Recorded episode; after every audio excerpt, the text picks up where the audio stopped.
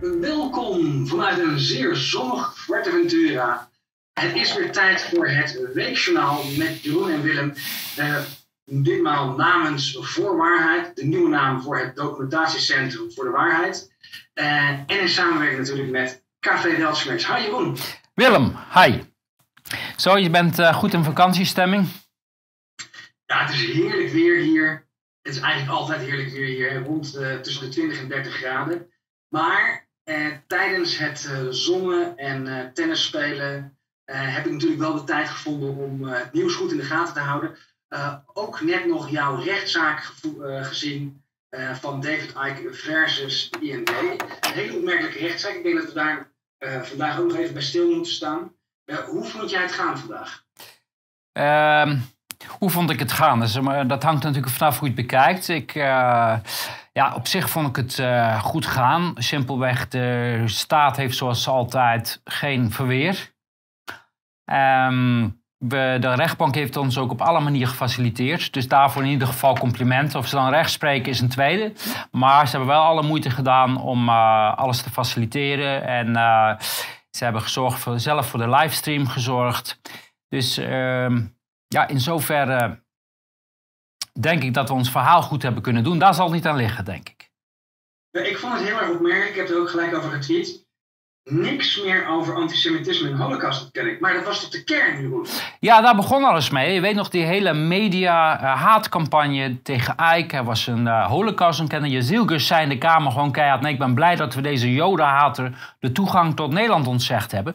Ik heb vandaag... Uh, kijk, we hebben dat trio-rapport uiteindelijk gehad. Dat wilde men geheim houden, want als dat openbaar zou maken, dan zouden we daarin kunnen zien wat de werkwijze van de politie is en wat hun, uh, pro hun uh, protocollen zijn en hoe, wat hun informatiepositie is. vandaag heb ik begrepen waarom ze het geheim willen houden. Het is werkelijk zo'n ongelooflijk gepruts en het is, het is een soort. Um, ja, hoe, hoe, kan je dat het beste omschrijven? Het, het, is een ratje toe van allemaal dingen die ze bij elkaar gegooid hebben. Er is geen lijn in te ontdekken. En ook elk... Een beetje op een werkstuk van een eerstejaars uh, journalistiek. Alleen dan doe ik die eerstejaars uh, tekort. Want dit was echt erbarmelijk. Zonder bronvermelding, zonder directe quotes. Het, het was een, uh, wat je zegt, een ratje toe, geen touw aan vast te knopen. Ja. je hebt nu aangehaald het artikel uit The Guardian. Ik heb nog eventjes opgezocht. 2008 waren er tien artikelen die David Icke hebben genoemd in The Guardian. Totaal ja, het, het kan nog wel wat nou, precies bedoelen. Het was erg, hè, want ze, ze, ze, zeiden alleen maar The Guardian. En helemaal niet welk jaar, welk artikel ze dan bedoelen. Uh, nee, het was een. Uh, ik, ik, snap dat ze het geheim wilden houden, want als dit het niveau van onze politie is, ja, uh, ja hou je dan maar vast. Hè? nou, politie hebben we dan al een beetje gehad. Gaan we verder met de politiek? Ja, laten we maar gelijk beginnen, want je, had, ik heb, je hebt deze week meer voorbereid als ik. Ik ben erg druk gehad. Dus, uh... Ja, ik was toch op vakantie, ik denk. Ja, doe maar iets nuttigs. Nou, is vol.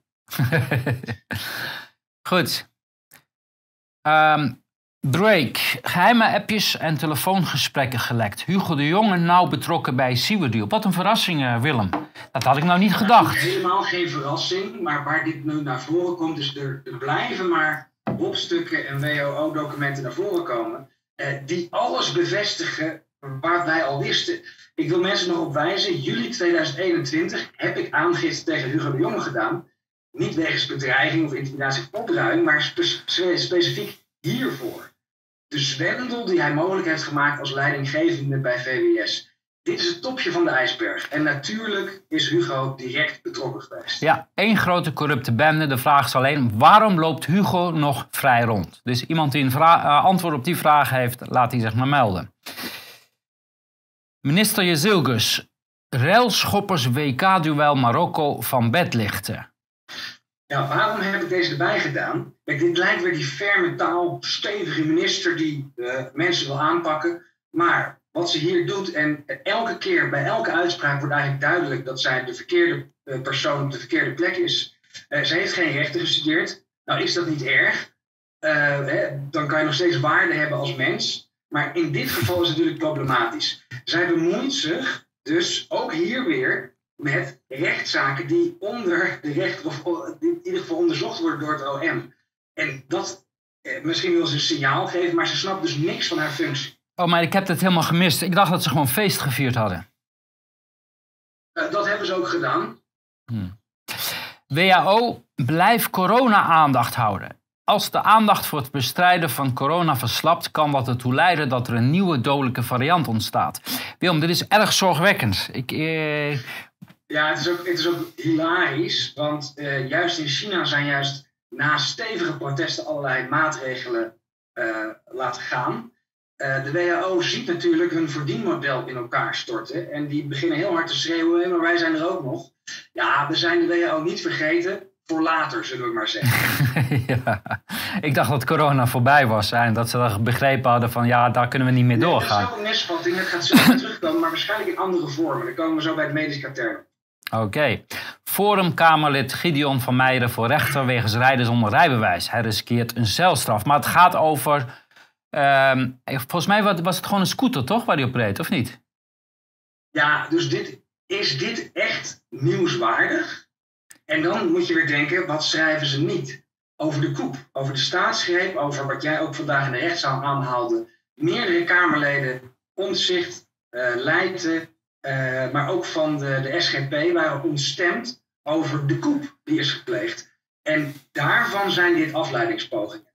Vooral niet over de inhoud hebben, maar over de boodschapper en dan over allemaal frivoliteiten. Het is uh, nieuwsonwaardig, maar ja, we weten uh, waar het vandaan is. Nou, ik vind het heel duidelijk. Kijk, als je uh, zonder rijwijs op een scooter rijdt, dan kom je in de gevangenis. Pleeg je een staatsgreep, dan blijf je gewoon waar je zit. Precies. Bulgaren smeken Nederland om bij Schengen te mogen. Ja, dan vraag ik me af bij dit bericht. Eh, smeken de Bulgaren daarom of smeken de politieke leiders erom? Want die zien daar natuurlijk een enorm businessmodel in. Dat heb ik hetzelfde gezien in Albanië. Overal die borden, we moeten bij de EU. Maar die mensen zelf, die, die willen dat helemaal niet. Uh, en die willen ook niet bij uh, Schengen. Uh, ja, wat denk jij hiervan? Ja, ik, ik vond het vooral interessant. Hè, dit is ook een VVD'er die dat zegt. Uh, we hebben de staatssecretaris van de Burg, is ook van de VVD. Die krijgt heel veel over zich heen, omdat met name de VVD erg ongelukkig is met de extreme instroom van asielzoekers en gelukszoekers. Los van wat je van die mensen vindt, het is een zeer vreemd beleid die, en hier komt hij, bevolkingsgroepen tegen elkaar opzet en voor polarisatie zorgt. Maar al die honderdduizenden mensen, die mogen naar binnen en David Icke niet. Ja. En dat, daarom vond ik deze zo typerend. Dus misschien moet David Icke als vluchteling komen. Misschien kan hij dan wel uh, het land in. Uh, Rijksambtenaar beschikte over WEF-adres, controle uh, onmogelijk. Ja. ja, we hebben hem dadelijk ook nog in beeld. de, de, antwoorden op de Kamervraag van van Houwelingen. Um, opmerkelijk. En dit werd ook nog besproken Precies, hier staat het. Hè? Mailverkeer tussen weforum.org en mailadressen vallen buiten de archieven. Maar wacht eens even. Als zij dit doen als ambtenaar van Nederland, dan is dat helemaal niet gerechtvaardigd. Dat kan helemaal niet, Jeroen. Nee, uh, nog, daar komt nog iets bij. Dat wij hebben al een keer een WOP-verzoek gedaan, helemaal in het begin. Waarin wij gevraagd hebben welke ambtenaren, eh, contacten, directe contacten tussen ambtenaren en het WEF. En toen zei men dat dat er niet was. En nu blijkt dat er wel te zijn. En daarbij komt, uh, de, het kan niet zo zijn omdat zij een uh, e-mailadres van het WEF gebruiken, dat dat buiten de WOP zou vallen. Dit is weer een, een ik, weet niet wat, wat men hierbij denkt, maar dat gaat natuurlijk überhaupt niet. Maar wat veel zorgwekkender is, waarom Willem? Hoe kan het dat mensen... Nou, en dit is, dit is die staatsgreep waar we al eerder aangifte van hebben gedaan. Artikel 93, 97a 99 van de wet van strafrecht zijn overtreden op zeer brede en grote schaal door allerlei topfunctionarissen, ministers en ambtenaren. Eh, en dat is de koep. Nederland wordt bestuurd vanuit een NGO en vanuit de Europese Commissie. Deze twee zijn sturend en doen dat via ambtenaren die niet roepbaar zijn, maar ook via advocaatkantoren zoals AKD uh, eh, en ook via McKinsey, consultancy firma's. Uh, dat is de manier hoe de koep is gepleegd. Rechtszaak tegen Macht Koning dient volgende week. Spannend. Of Willem-Alexander verschijnt. Ja, ook dit je kan er van allerlei dingen over vragen, maar ehm, de minister-president is uh, politiek verantwoordelijk. Dus het is een beetje vreemd of die wel of niet zal verschijnen. Maar ik zie hier ook weer in een transitie. Dat die koningshuizen moeten weg, want Nederland als staat moet ophouden te bestaan. En ik ben helemaal niet voor of tegen het koningshuis. Maar ik vind het opmerkelijk in uh, het, het, hele idee van de koep. Past dit goed? Ja, nou ja, voor of tegen. Sinds uh, bekend is dat zij voor een buitenlandse mogendheid werkzaam zijn, uh, vind ik het ook tijd om te vertrekken hoor. Inderdaad. Uh, zeer teleurstellend, zegt Kaag, dat we vandaag geen akkoord kunnen bereiken over, hebben kunnen bereiken over steun aan Oekraïne vanwege blokkade door Hongarije. Onze belofte aan Oekraïne en onze internationale partners moeten we gestalte geven. Ja, volgens mij. Hier zie je de drammerige van Kaag. In alles wat ze zegt, heeft ze totale lak aan de bevolking. Wij willen geen oorlog, wij willen niks met dit conflict te maken hebben. En het steunen van de elite in de Oekraïne zorgt voor heel veel destructie en heel veel doden. Dit zijn oorlogshitsers. Niet alleen dat, um, het gaat over het overhevelen van belastinggeld naar een corrupt regime. En heel terecht dat Hongarije dat blokkeert. Absoluut. Oh. Even kijken, we gaan de verkeerde kant. Ja, hier. De Nederlandse pensioenen verdampen als de euro een Latijnse munt wordt. Maar volgens mij is de euro al een uh, Latijnse munt. Iets wat op de lieren lijkt. Kan je dat nog herinneren? Absoluut. En uh, uh, Winia, dat is natuurlijk ook iemand die al een, een, tijd heel kritisch is. Nu de volgende stap, we gaan naar de volgende. Tweede Kamer ligt wakker van digitale euro, maar kan de invoering ervan niet stoppen. Ja, dat hebben we afgelopen week gezien. Ja. Precies, de koep is al gepleegd. Het is niet gaande, het is al gepleegd. Het parlement staat buiten spel. Die zijn alleen nog maar goed om een sausje democratische legitimatie erover te draperen. Als dat niet lukt, dan wordt er gewoon zonder parlement uh, uh, beslist. Het, ze zijn totaal irrelevant geworden. Maar nu begrijp je ook waarom die Kamermoties en zo, ook zelfs als ze aangenomen worden, het maakt allemaal niets meer uit. Ze, doen, ze werken niet meer voor ons, ze zijn voor zichzelf begonnen en uh, ze, ze, hebben niks meer met de kiezer te maken of met de bevolking te maken. Hun uh, opdrachten komen ergens anders vandaan.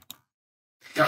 Digitale euro opent deur naar ongekende controle van overheden en centrale banken uh, over ons uitgeefbedrag. Dat is een opiniestuk in de Volkskrant van Jona Wolk. Of uh, NRC, ik weet niet welke het is, maar oh, ja. uh, wat dit laat zien is dat, want Jona Wolk, dat is uh, voormalig GroenLinks, lid van de Vierde Golf, natuurlijk ook kritisch op de overheid, maar je ziet dat de, de kritiek, zeker over die digitale controle, echt van links naar rechts heel breed is. 80% van Nederland heeft hier niks mee, wil het absoluut niet. Maar het gebeurt toch? Het gebeurt toch? Ja. ja. Zo gaat het in dictatuur. Ja. Een, een bericht van RTV Noord. Schuiling haalt uit naar banken, notarissen en advocaten die samenwerken met de onderwereld. En dat is dan de uh, VVD-burgemeester van Groningen. Ja, weet je wat het is? Dit is een verhaal wat dat probeerden ze al uh, met. Dat, dat was eigenlijk de riek ook die hierop inzette. Ze hebben alle advocaten onder druk gezet, de notarissen. Je kan ook geen contant geld meer aannemen als advocaat. En, je moet dat, en de klant moet dat gaan verantwoorden en anders moeten ze het gaan melden. Het is. Ongelooflijk wat hier gebeurt. En de enige onderwereld waar zij mee samenwerken is de overheid. Hè? En... Precies, dat wilde ik net zeggen. Wat dit is, dit is de maffia die zegt: hé, hey, uh, jij moet beschermd worden, toch? Ik wil beschermingsgeld. Ja. Dit is een doorwissel naar banken, notarissen en advocaten. Dat als zij niet meewerken met de overheid om andere mensen te onteigenen, bedrijven uit de markt te drukken, burgers lastig te vallen, uh, dan krijgen ze met de overheid aan de stok. Ja, ja het, het is ook een grof schandaal dat advocaten uh, dat moeten melden. want dat is al een schending van het geheim tussen advocaten en cliënten. Ja. Jan Dijkgraaf uh, in de dagelijkse standaard. Wanneer worden die 29 verraders die onder onze ogen een staatsgreep uitvoeren opgesloten? Willem, het wordt mainstream. Ik kan me nog herinneren dat wij twee jaar, meer dan twee jaar geleden het al over een staatsgreep hadden. Hè? Een machtsgreep. Ja. ja. en dat is het mooie. En daarom komen daar bij wat uitingen van wat politici en uh, mediamensen. En dat begint echt steeds radicaler en onsamenhangender te worden. Ze zijn volledig exposed. En Nederland is een beetje de hotbed, uh, het, het, kernpunt van, uh, van de koep. Hier wordt alles uitgeprobeerd. Uh, en het is altijd niet open. Dus, dus conservatieve opinieschrijvers durven nu gewoon openlijk te zeggen: er is een koep gepleegd. Want Jan Dijkgraaf is bij lange na niet de enige. Nee, uh, coronavaccinatie en gevolg voor bloedtransfusie. Er leven veel vragen over het coronavaccin en wat dat betekent voor bloedtransfusie. Ja. ja, in het medische katern gaan we daar wat op in, maar dit laat wel zien dat het echt een, een, hot topic is geworden. Uh, en dat het zo mainstream naar voren komt. Uh, dit is een onderdeel van de enorme schade van de experimentele gentherapie. die op, op echt aan het uitwaaien is of aan het uitdijen als een olievlek. Ja, en uh, ik, ik, denk dat we er naartoe moeten dat iedereen zijn eigen bloed moet gaan invriezen. Zoals sommige mensen dat al doen die, uit religieuze overwegingen geen bloedtransfusie willen. Uh, ik denk dat dat de enige oplossing wordt. Want uh, ik, ik, ik denk dat. Het... Er zijn meerdere landen waar dat nu inderdaad gebeurt. Dat is vaccinvrije of gentherapievrije bloedbank. Uh, dit is de Rijksbegroting, uh, corona-toegangsbewijs. Voor 2023 hebben ze 161 miljoen uh, gereserveerd. Ik dacht dat we er vanaf waren, van het, uh, de QR-code. Ik vond het helemaal veilig. het wordt weer ingevoerd, dan weten we dat we geen geld meer kunnen uitgeven bij de horeca. Nou, dat is wel goed in deze tijden van financiële krapte. Ja, en het, uh, het exposed ook dat het nooit, dat het had, het had nooit iets met corona te maken, die hele QR-code. En dan kunnen we even terugkijken. Het moest er doorheen geramd worden. Het maakt allemaal niet uit. En hier, hier zie je het 161 miljoen. Maar dit komt trouwens uit het, uh, hoe heet het Corona Recovery Fund, of hoe ze dat ook noemen, uh, van de EU. Hè? Dat, ja. Professor De Lange, Nederland heeft geen stikstofcrisis. Ja. Ja, en dit want we gaan dan naar de volgende. Er zijn inmiddels heel veel klimaatprofessoren die de waarheid vertellen. Dan kijken we naar het RIVM. Want het RIVM met het ERIUS-model doet ook de stikstof. Het is niet alleen COVID, het is ook CO2, het is ook stikstof. Het is allemaal bij het RIVM.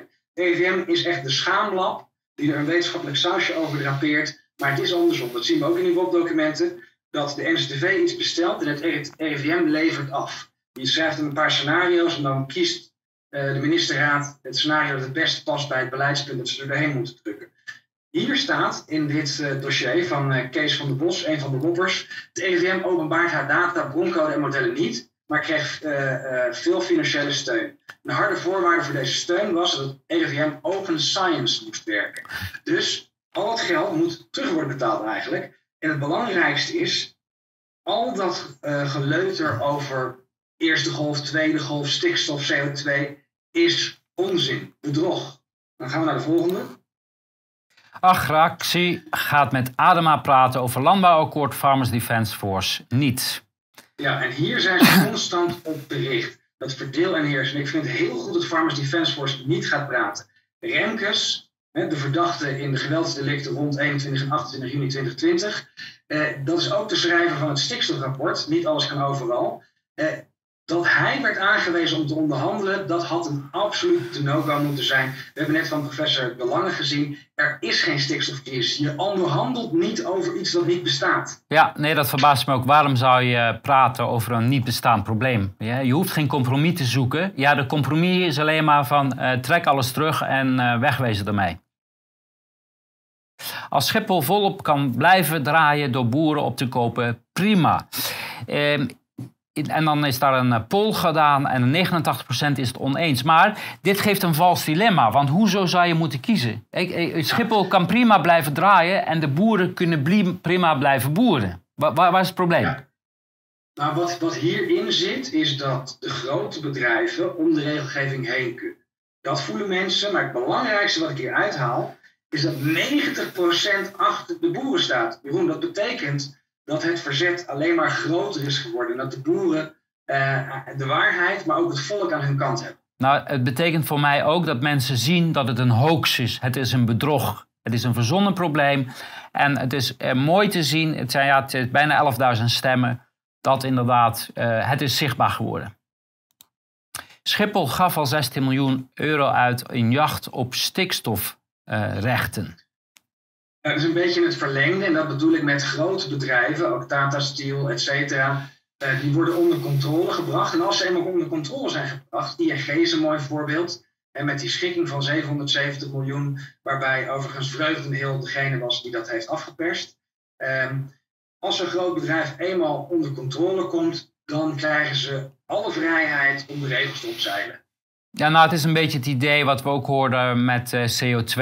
Uh, dat, dat je dat kan kopen van mensen die geen geld hebben om op reis te gaan, die geld nodig hebben om eten te kopen. Dan koop je een CO2-rechten en dan kan jij vliegen en dan kan de ander naar de voedselbank of uh, ja, gewoon bij energie. Geachte heer Engel, dat is een, uh, ik heb uh, u gebeld ten behoeve van de afspraak die mevrouw eh, Van Loenen voor u heeft ingepland bij de sociale raadslieden. Willem, het gaat je slecht, begrijp ik. Nou, wat ik heel opvallend vind, hè, ik heb al het nodige aan e-mails gewisseld en telefoongesprekken gehad met Innova, mijn energieleverancier. Want die willen een voorschotbedrag waar ik het niet mee eens ben. en die denken daar recht op te hebben. Dus nu heb ik uh, twee verschillende incassobureaus, die zijn ingeschakeld door Innova, op mijn dak. En ik zeg van ja, jongens, dit is afpersing, dus uh, geef de verhinderdata door, want laten we zo snel mogelijk naar de rechter gaan. Nou, dat willen ze voorkomen, maar volledig in strijd met de AVG um, sturen ze het woonbetalergedrag door naar mijn gemeente, die dan weer een interventie wil doen. Maar nu zie je wat een sociaal kredietsysteem is. Hè? Hier is het al zichtbaar. Ja, en uh, iedereen die schulden heeft, die zijn makkelijk onder druk te zetten. En die, die kan je makkelijk door hoepeltjes heen laten springen. En dat, uh, en dat is ook de reden dat je ziet dat ze zoveel mogelijk schulden, mensen met schulden willen overladen. Het is in het belang van alle partijen om een reëel maandbedrag af te stemmen. Gaat u daarover vooral in overleg? Ja. Ja, maar hier, als u een lager bedrag betaalt zonder dat er overeenstemming over is, dan gaat het in kassaprocedure lopen. Ik heb vandaag nog met ze gebeld. Toen had ik het erover van, maar ik heb helemaal geen akkoord gegeven voor een hoger bedrag. Want nu, nu draaien ze het om, hè? Ja. En toen, toen waren ze gepakt. Want ze zeiden van, ja, maar dat kan niet, want het kan alleen verhoogd worden als u op de button klikt in de e-mail die u in april heeft gekregen. Zeg ik, ja, maar ik heb niks verhoogd. En dat was een heel ongemakkelijk gesprek, want nu raken we de kern. Er wordt dus op een uh, bijna uh, Nigeriaanse manier dus e-mails verzonden met wilt u hier klikken. Veel onoplettende mensen klikken dan. Het maandbedrag gaat vier keer over de kop. En met die klik heb je dus kennelijk een contract afgesloten om je voorschotnota uh, enorm te verhogen. Waarmee Innova duidelijk misbruik van omstandigheden gebruikt. Alleen in dit geval heb ik het niet gedaan. Dus er wordt net gedaan alsof er een nieuwe overeenkomst is gesloten. En dat ik die overeenkomst niet nakom, omdat ik eenzijdig het bedrag heb verlaagd. Maar in werkelijkheid hebben zij eenzijdig het bedrag verhoogd. Een incassobureau op me afgestuurd, heb ik niet betaald. Hebben ze mijn gegevens doorgegeven aan de gemeente. Dus ik verheug me echt op deze rechtszaak. Wordt vervolgd. Rusland wordt nauwelijks in portemonnee geraakt door boycott en prijsplafond. Nou, ik denk dat, het, uh, dat ze het wel geraakt worden. Want die portemonnee die zit zo vol. Hè, ze hebben nog nooit zoveel verdiend als nu. Ja, dat is goed mogelijk. In ieder geval uh, is het verhaaltje over de Oekraïne en over dat we het uh, in solidariteit doen met de burgers daar dat we Rusland moeten raken, totaal verzonnen. Kaag heeft al regelmatig de mond voorbij gepraat. Dit gaat over het NKB slopen, dit gaat over de burger onder controle brengen, het CO2-budget doorvoeren en de burger laten betalen voor de energietransitie. Dat zijn de beleidspunten en dat hele Oekraïne-verhaal is een hoax. Censuur en propaganda. Video Cheert de Groot D66 noemt ongehoord Nederland fascisten. Ja, ik heb dat stukje ook gezien en ik vind het werkelijk verbijsterend dat een minister, eh, iemand die ja, Kamerlid, hè? Ja, Kamerlid. Uh, Kamerlid ja, dat, dat hij. Uh, sorry, dat hij uh, gewoon een journalist een fascist noemt. En tegelijkertijd we, horen we altijd dat riedeltje van we moeten journalisten beschermen. Ja, hoe is dit beschermen, Willem? Nou, het ging nog veel verder dan dat. Hij was mensen aan het rondleiden in de Tweede Kamer. En hij zei: niet met deze meneer praten. Dit zijn fascisten. Dus hij wilde ook nog eens vanuit zijn kamerschapsfunctie een omroep censureren. Daar is nog veel te weinig belichting op geweest. En nu biedt hij zogenaamd excuus aan. Maar dit is een Jan. En waarom noem ik het een Jan Vlugje? Jan Vlug heeft ook een keer opgeruimd op 23 september 2020 dat hij mij oneigenlijk citeerde en dat er daarmee dus allerlei uh, aanvallers voor de deur stonden door zijn uitingen. Um, en wat hij hier doet, uh, de is min of meer hetzelfde van, ja, ondanks dat ze haat zaaien, dat ze xenofoob zijn en dat ze racistisch zijn, had ik niet moeten zeggen dat ze fascisten zijn. Ja, ja. dit is natuurlijk gewoon een ja. Jan Vlug, vond ik. Een tweet van Marjan Zwageman. Joehoe, journalisten, jullie zijn propagandaprooien voor de uitrol van een controlemaatschappij. En dat gaat dan over een, uh, een, retweet van uh, Renske Leijten. In maart 2022 lag er al een strategie klaar voor het promoten van de tijdelijke wet. Met witte jassen en steunzenden. Ja, dit... Um... Dit laat heel duidelijk zien, het gaat allemaal over public opinion. Het verhaal faalde, maar ze moesten doorzetten dus ze wilden weer een mediacampagne doen om die uh, permanente wet er doorheen te krijgen. Die is nu eventjes uh, op, op de backburner gezet, maar let op, zodra we niet meer uh, kijken, jassen ze hem er doorheen. Nou, de overwinning zit hem erin dat ze hadden dat graag al in september er doorheen willen hebben. En ze hadden ons al graag willen terroriseren met die nieuwe wet. en ik denk dat dat een succes is. Dat is niet gelukt tot nu toe. Absoluut. Ja. Apple-CEO uh, eh, Tim Cook eh, die negeert vragen over of hij de protesten in China ondersteunt. Wat denk jij? Zou hij die, uh, die, die, protesten ondersteunen? Ik denk het niet, want ze hebben zelfs ehm, een aanpassing gedaan. Ik bedoel, er schijnt een optie te... Ik het helemaal niet, maar er schijnt een optie te zijn... En, dat, dat jij onderling kan communiceren met die telefoons of kan volgen... En uh, dat gebruiken ze bij protesten in China. En die hebben ze aangepast voor China dat die optie alleen nog maar heel beperkt gebruikt kan worden, tot 10 minuten of zo. Well, um, ja. wat, wat... Al die big tech bedrijven, alle inlichtingendiensten, uh, die werken samen. En uh, China wil natuurlijk meer controle over de burgers. En de rest van de wereld kijkt likkerbaarden toe over hoe ze dat daar aan het uittesten zijn. EU dreigt Twitter met boete en verbanning. Je moet aan onze regels voldoen en dat betekent je moet censuur plegen. Want in de EU houden we niet van vrije nieuwsgaring en van vrijheid van meningsuiting. Dat moet wel gecontroleerd worden. nog maar in de zaak van vandaag tegen David Icke. Gaan we verder. En het is wel grappig. Kijk, dit is de voormalige, Jack Dorsey is voormalig CEO. En die zegt van, gooi alles op straat, Elon. er zitten twee dingen in. Hij weet dat er heel veel dingen niet kloppen, maar hij was zelf niet dapper genoeg om het op straat te gooien.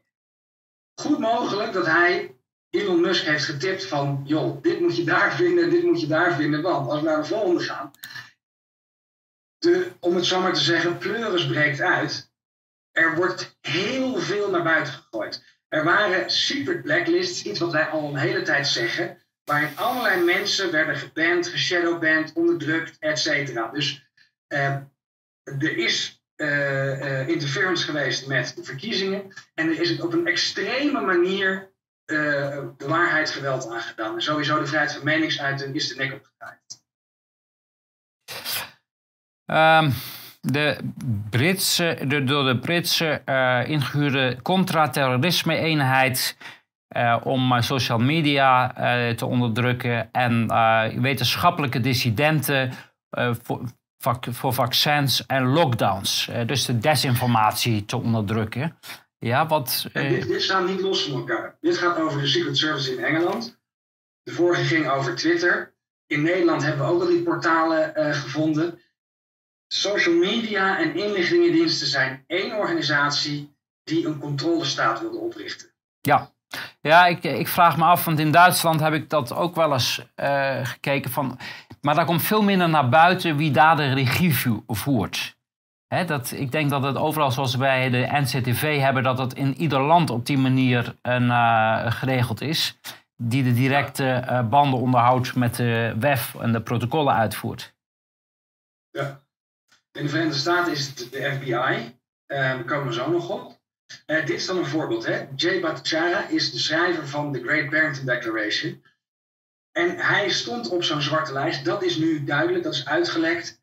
Um, dat zagen we al in de e-mails van uh, Fauci en, uh, en Collins van de NIH en de NIAID.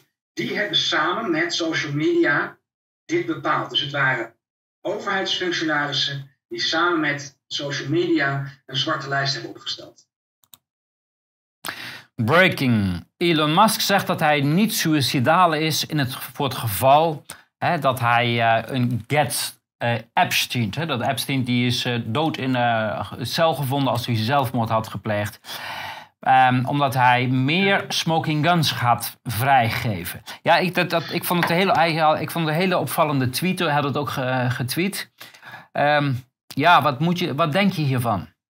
Nou ja, je moet dat tegenwoordig doen, omdat, uh, kijk, een kat in een naam maakt rare sprongen. Uh, de koep is aan het mislukken omdat die te openlijk is. Uh, ze zijn te snel en het COVID-verhaal is ingestort. we kunnen nu openlijke terreur verwachten met liquidaties vanuit de geheime diensten. vandaar dat we zoveel mogelijk alles in het openbaar moeten doen, waardoor het heel erg opvalt. Uh, wij noemen dat gezelfmoord. Als je wordt gezelfmoord, dan word jij door de geheime dienst omgebracht en dan zetten ze het zo in scène alsof je zelfmoord hebt gepleegd. Google haalt duizenden YouTube-kanalen weg die gelinkt zijn aan Brazilië, Rusland en China wegens beïnvloedingsactiviteiten. Nou, ja. Hier zien we hetzelfde weer. Wij mogen alleen het narratief zien en uh, andere geluiden moeten weg worden gehaald. Maar ja, deze, al dit soort bedrijven die gaan het straks niet overleven. Die hebben zich uh, die hebben laten zien en uh, ja, Google helemaal. Ik kan me nog herinneren vroeger, do no evil was hun motto. Nou, dat motto hebben ze volgens mij al lang verlaten. En, uh, dat hebben ze ook weggehaald, hè? Ja, ja.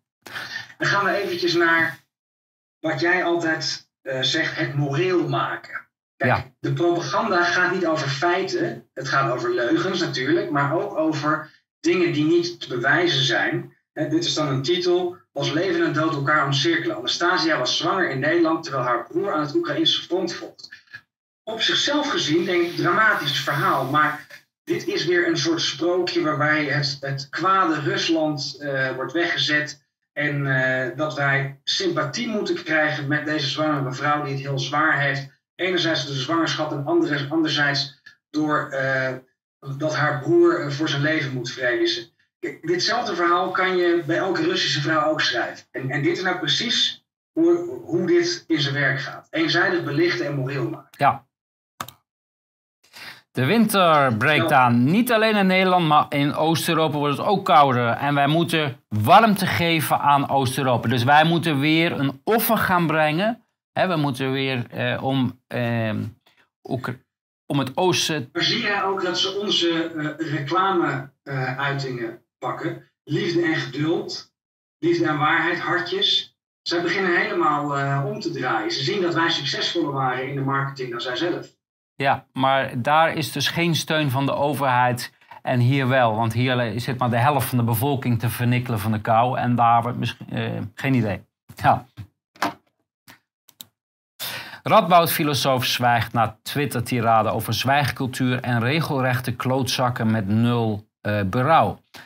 Ja, uh, universitair docent en filosoof Fleur Jongepier. Die uh, is vertrokken nu, die heeft uh, consequenties daaruit getrokken en ontslag genomen. Het laat zien hoe vergiftigd die universiteiten zijn, Willem. Absoluut. hier, dit is de kern van het kwaad. Baudet werd natuurlijk verketterd toen hij zei van Spy College over Sigrid Kaag. maar dat is, moet je zien in een veel bredere context. Uh, zijn stukje over cultuurmarxisme is erg goed. En dat laat zien dat sinds de jaren 80, of misschien zelfs al daarvoor, er een infiltratie is geweest, juist in die universiteiten. En de universiteiten die leveren de wetenschappers, de beleidsmakers, de politici uh, uh, en, de, en de journalisten. En daar zit dus de kern van waar we dadelijk op komen bij, met George Soros, de social engineering. Serviesbedrijf Blond Amsterdam haalt kop met lachende Anne Frank uit de handel.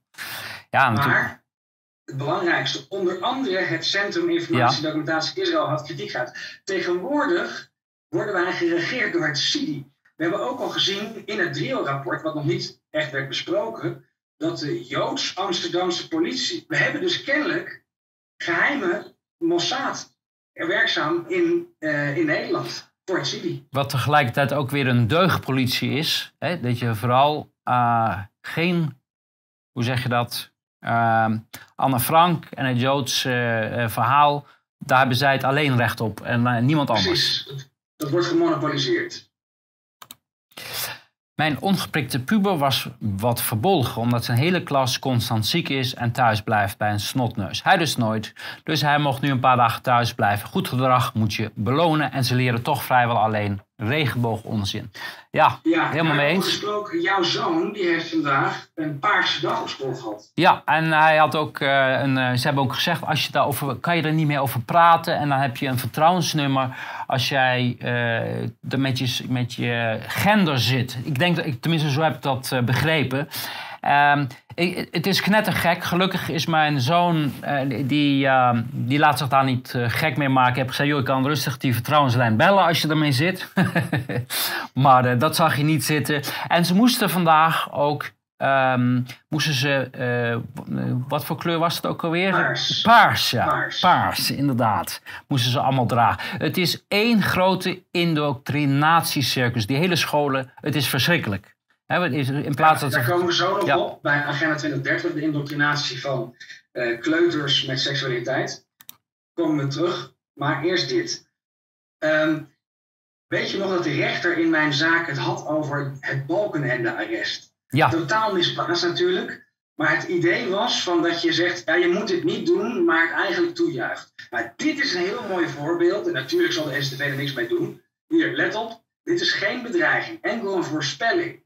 Iemand gaat dit walgelijke monster een keer helemaal kapot slaan. Ik ga het niet doen, niet doen, maar ooit gaat hij lijden en de dood van de verkeerde persoon misbruiken en pakt een nabestaande hem goed aan. En ik zal juichen. En wat zit hierin? Dit gaat over de tweet die ik eh, elke week doe over mensen die plotseling onverwachts overlijden, mogelijk aan gentherapie. Dus hij zegt van ja, ik roep niemand op, maar als je het zou doen, dan hoop ik er wel op en ik zal hè, dat geweld verheerlijken. Maar dan zie je. Een voorbeeld. Ja maar dan zie je hoe, select, hoe selectief ze zijn. Wij dat, datzelfde hebben we gehad met David Icke. Dat uh, in dat drie-rapport werd verwezen naar iemand die had gezegd: uh, ik, ga, wat, wat, een, ik ga een pistool kopen en, en, en, ook geweld plegen tegen Ike. En in plaats dat ze diegene arresteren, verbieden ze Ike om naar Nederland te komen. Terwijl in jouw geval, waar je helemaal geen, niemand niet opgeroepen hebt tot niks, jou hebben ze vastgezet. En laat zien de justitie is alleen nog maar een politiek apparaat om uh, oppositie te onderdrukken. Net zoals we altijd Rusland en andere landen verwijten dat ze doen. Ja. ja. Gaan we naar de volgende. Beetje in die sfeer blijven. Ook dit. Dit valt daar een beetje onder. Hoi Willem, doe Nederland uit bij een plezier en verhang jezelf. Dan kijk je naar Wouter, Wouter de Jong, account uit 2022, één volger. Dan vraag ik eventjes, is dit van de NCTV? We zijn heel benieuwd naar al die nieuwe accounts. Wie, wie zit daarachter? Daar moeten we echt flink over roppen. Maar ook dit is natuurlijk weer een omgekeerde uh, verwensing. Het is misschien een idee om een keer een aantal accounts, uh, ja, zouden we nog zin erin hebben, uh, op te vragen en daar ja. om aangifte te doen. Wie zit erachter? En het zou natuurlijk mooi zijn als de NCTV erachter zit, zodat ze exposed zijn. Want het is natuurlijk een, een onvoorstelbaar dat een overheid mensen betaalt om de eigen burgers te beledigen, te bedreigen. Het noem maar op. Ja. En dit, dit is nog eventjes om te laten zien, dat is een oude tweetje al, maar waarom wij echt duidelijk de nette mensen zijn. En die tweede is, of we zetten gewoon alle niet-gevaccineerden tegen de muur en jagen we er een vracht kogels doorheen. Maar ik kan je nu al zeggen dat The One niet is opgepakt hoor. Die heeft geen dag gezeten. Nee, die is, dat is waarschijnlijk ook een NCTV'er. En die laatste, of verzamelen we er, en er een bus Zyklon B overheen. Ik heb het Cidi hier niet over gehoord. Nee. En Mark van Rans, je grote vriend. Ja, dus even een blast van de pers. Dat zullen we vaker doen. Elke keer dan denk ik weer van, oh, ben ik hem weer vergeten. Maar dan uh, laten ze zich weer horen in de media. Het is een beetje een aandachts trekker. Um, de Uberwappies, ivermectine, een, een, een middel tegen schurft, veterinair, et cetera, et cetera. Dit is dezelfde taal als het CDC heeft naar buiten gebracht. Ik ben benieuwd of Mark nog steeds achter deze uitingen staat. En Mark heeft onlangs een eredoctoraat gehad hè, van de Vrije Universiteit. Ja, en binnenkort krijgt hij ook in, in Leiden. Die twee, de VU en Leiden, dat is het LACDR, dat is het Leiden Amsterdam Center for Drug Research, en daar heb ik ook gestudeerd. Dus ik denk dat ze dat alleen maar doen omdat ze mij willen, uh, willen kwetsen, dat mijn uh, opleiding niet nou, meer waard is. Dan zou je je bul moeten teruggeven, denk ik, als je dit, als er zulke mensen een ja. eredoctoraat geven. Machtsstrijd breekt uit onder, onder antivaxers. En nu schijnt er een gevecht te zijn wie de capo, de capi de capo wordt, of de capo de capi, van de antivaxers. Ja, maar kijk, wat hier gebeurt, dit is natuurlijk een soort satire, het mislukt wel, want het is niet grappig, maar dat Joop, ondanks het, uh, die uitspraak van de rechter, of misschien wel dankzij die uitspraak van de rechter, gewoon doorgaat met hun haatcampagne. Wel spel door uh, dierenactivisten. Opnieuw. Ja, en wat je hier ziet, wat ons overkomt, overkomt een paar andere, en dan met name Farmers Defence Force, Ongehoord Nederland en Forum voor Democratie en uh, Viruswaarheid, uh, nu Voorwaarheid. Die vier groeperingen zijn aangemerkt als vijanden van de staat. En wat hier gebeurt, we weten dat al dit soort activisten worden betaald vanuit dat soort NGO's uh, als die van Soros. En die worden dus ingezet om het vuile werk op te Ja, overleden negen uur na de injectie. Uh, ja. Ja, en dit is. Kijk, er wordt dan kritiek geleverd waarom ik een, eh, een vraag stel over dat het uh, plotseling en, en onverwachts overlijden van iemand die daar nog niet aan toe was, misschien door de gentherapie zou kunnen komen. Maar ik vind het eigenlijk disrespectvol als je het niet zou doen. Er zijn zoveel mensen omgekomen door deze injectie. En dit wordt gewoon verzwegen. Ja, maar dan wil ik nog even herinneren dat uh, destijds uh, iedereen liep te roepen als iemand overleed in het ziekenhuis aan COVID. Uh, van oh, dat was een ongevaccineerde. En toen mocht je dat wel zeggen. Ja. En dit gaat over de opening van een eh, bankaccount en dat is nu afgewezen. Ja, waar dit over gaat. Kijk, we hebben die rechtszaken tegen banken gevoerd. Dit is van Arnoud van Doorn. En je mag er van alles van vinden. Maar we komen daar nog bij een andere, uh, Daniel Gerrits uit. Allemaal mensen die een mening hebben, niet wel gevallig is. Die worden strafrechtelijk, maar ook niet strafrechtelijk, via die tussenorganisaties gewoon afgeknepen. Dus Arnoud van Doorn kan geen bankrekening meer openen.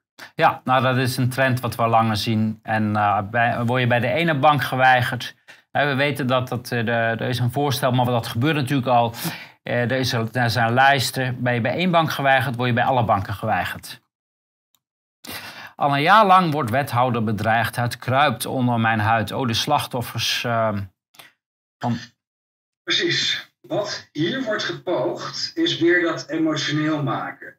Uh, de wethouders worden bedreigd. Nee, en dat zei je vandaag heel goed in de rechtszaal. Het dehumaniseren, bedreigen en beschimpen gebeurt juist bij de mensen die worden weggezet als anti-overheidsextremist, als wappie, als antivaxer, als complotdenker. Het is helemaal omgekeerd. Deze mensen die voelen zich misschien wel bedreigd en schuldig, maar het komt ook omdat ze misdrijven plegen. Ja, ik zie dat het een oud uh, artikel is, maar ik wil er nog wel wat over zeggen. Want uh, met het RIEK uh, was ook de, uh, de stelling dat de overheid ondermijnd werd door criminelen. En dat zouden ze doen door uh, wethouders en burgemeester onder druk te zetten, dan wel om te kopen. Wat bleek nou? Ehm, in, bij de Universiteit van Groningen is een onderzoek gedaan. En hebben ze een paar duizend wethouders en burgemeesters gevraagd. Wat bleek? Dus was één geval waarbij een burgemeester onder druk was gezet en die mogelijk zijn beslissing had laten leiden uh, onder die druk. Het komt helemaal niet voor. Het is andersom. Hè? Die corruptie die, en de, de ondermijning zit aan die kant. Het is niet vanuit criminelen. Nee, die criminelen zitten daar. Precies. Soros, de, de puppet player. Altijd weer opmerkingen over dat dit antisemitisch zou zijn. Ja, mensen, ik ga het nog een keer halen. Het doet er mij helemaal niet toe wat voor geloof iemand aanhangt, waar iemand is geboren, welke seks die heeft, et cetera. Het gaat om wat die persoon doet. Gaan we naar de volgende. En dit hebben we ook op de website gezet met een begeleidend briefje.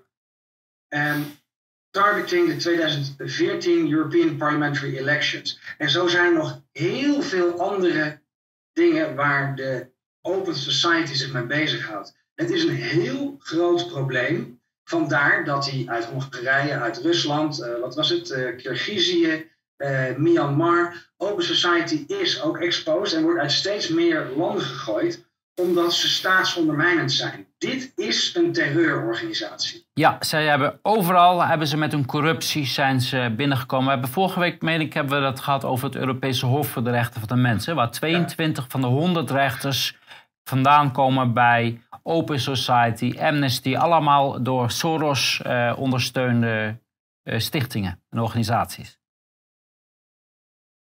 Bij internationaal. Het persoon van het jaar op de Time. En wie hebben we daar? De grote Zelensky. Ja, dit, dit maakt het zo'n mockery, weet je. Het is, maar we hebben ook een echt persoon van het jaar. We gaan eerst nog even bij Zelensky verder. Want Zelensky woedend op von der Leyen. Klapt EU-bobo geheime Oekraïnse dodenaantal. Daar hebben we het vorige week natuurlijk over, over gehad. Zelensky, de heilige Zelensky. Jens kan het altijd zo mooi voor, hem voor gek zetten. Maar het is natuurlijk ook een heel raar gebeuren dat hij is getypecast als uh, B-rang acteur voor de president van het meest corrupte land van Europa. En dat hij nu Person of the Year is geworden. Ja, het zegt genoeg. Je wil geen eredoctoraat of person of the year, dan weet je dat je aan de verkeerde kant zit. Ja. Novak Djokovic. Dit is de person of the year. Speelt zijn eerste eh, toernooi in Australië. En deze is zo sterk dat hij de meeste uh, Grand Slams ooit heeft laten varen, omdat hij achter zijn overtuiging stond en niet heeft gebogen. Hij is opgesloten als een crimineel vorig jaar in Australië. Ehm, hij is weggestuurd, hij mocht de titel niet verdedigen, hij is beschimpt. Hij is, er is een hele haatcampagne naar hem geweest, omdat hij zei: Mijn medische gegevens gaan jullie niks aan. Ik heb al COVID gehad, uh, ik vertrouw op natuurlijke immuniteit. En dat zo'n grote sportster zo duidelijk uh, dat naar buiten bracht, dat was natuurlijk zeer ongewenst. Artikel van zijn vader uh, laat zien dat ze heel goed doorhebben welke koep er aan de gang is. Maar nog belangrijker misschien is, hij is natuurlijk ook Servisch. En dat heeft een speciaal, uh, speciale smaak of kleur binnen Europa. Want dan komen we naar de volgende. EU-kandidatuur. Servië moet in ijskast kunnen om warme banden met Poetin. Ja.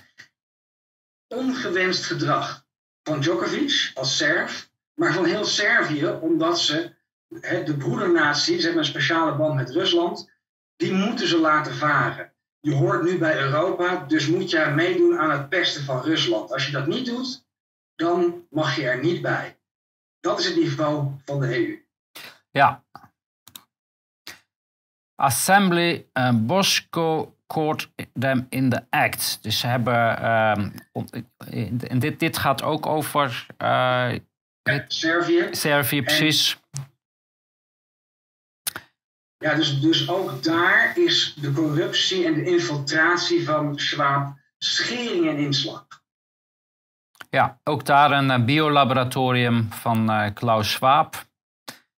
Uh, ja.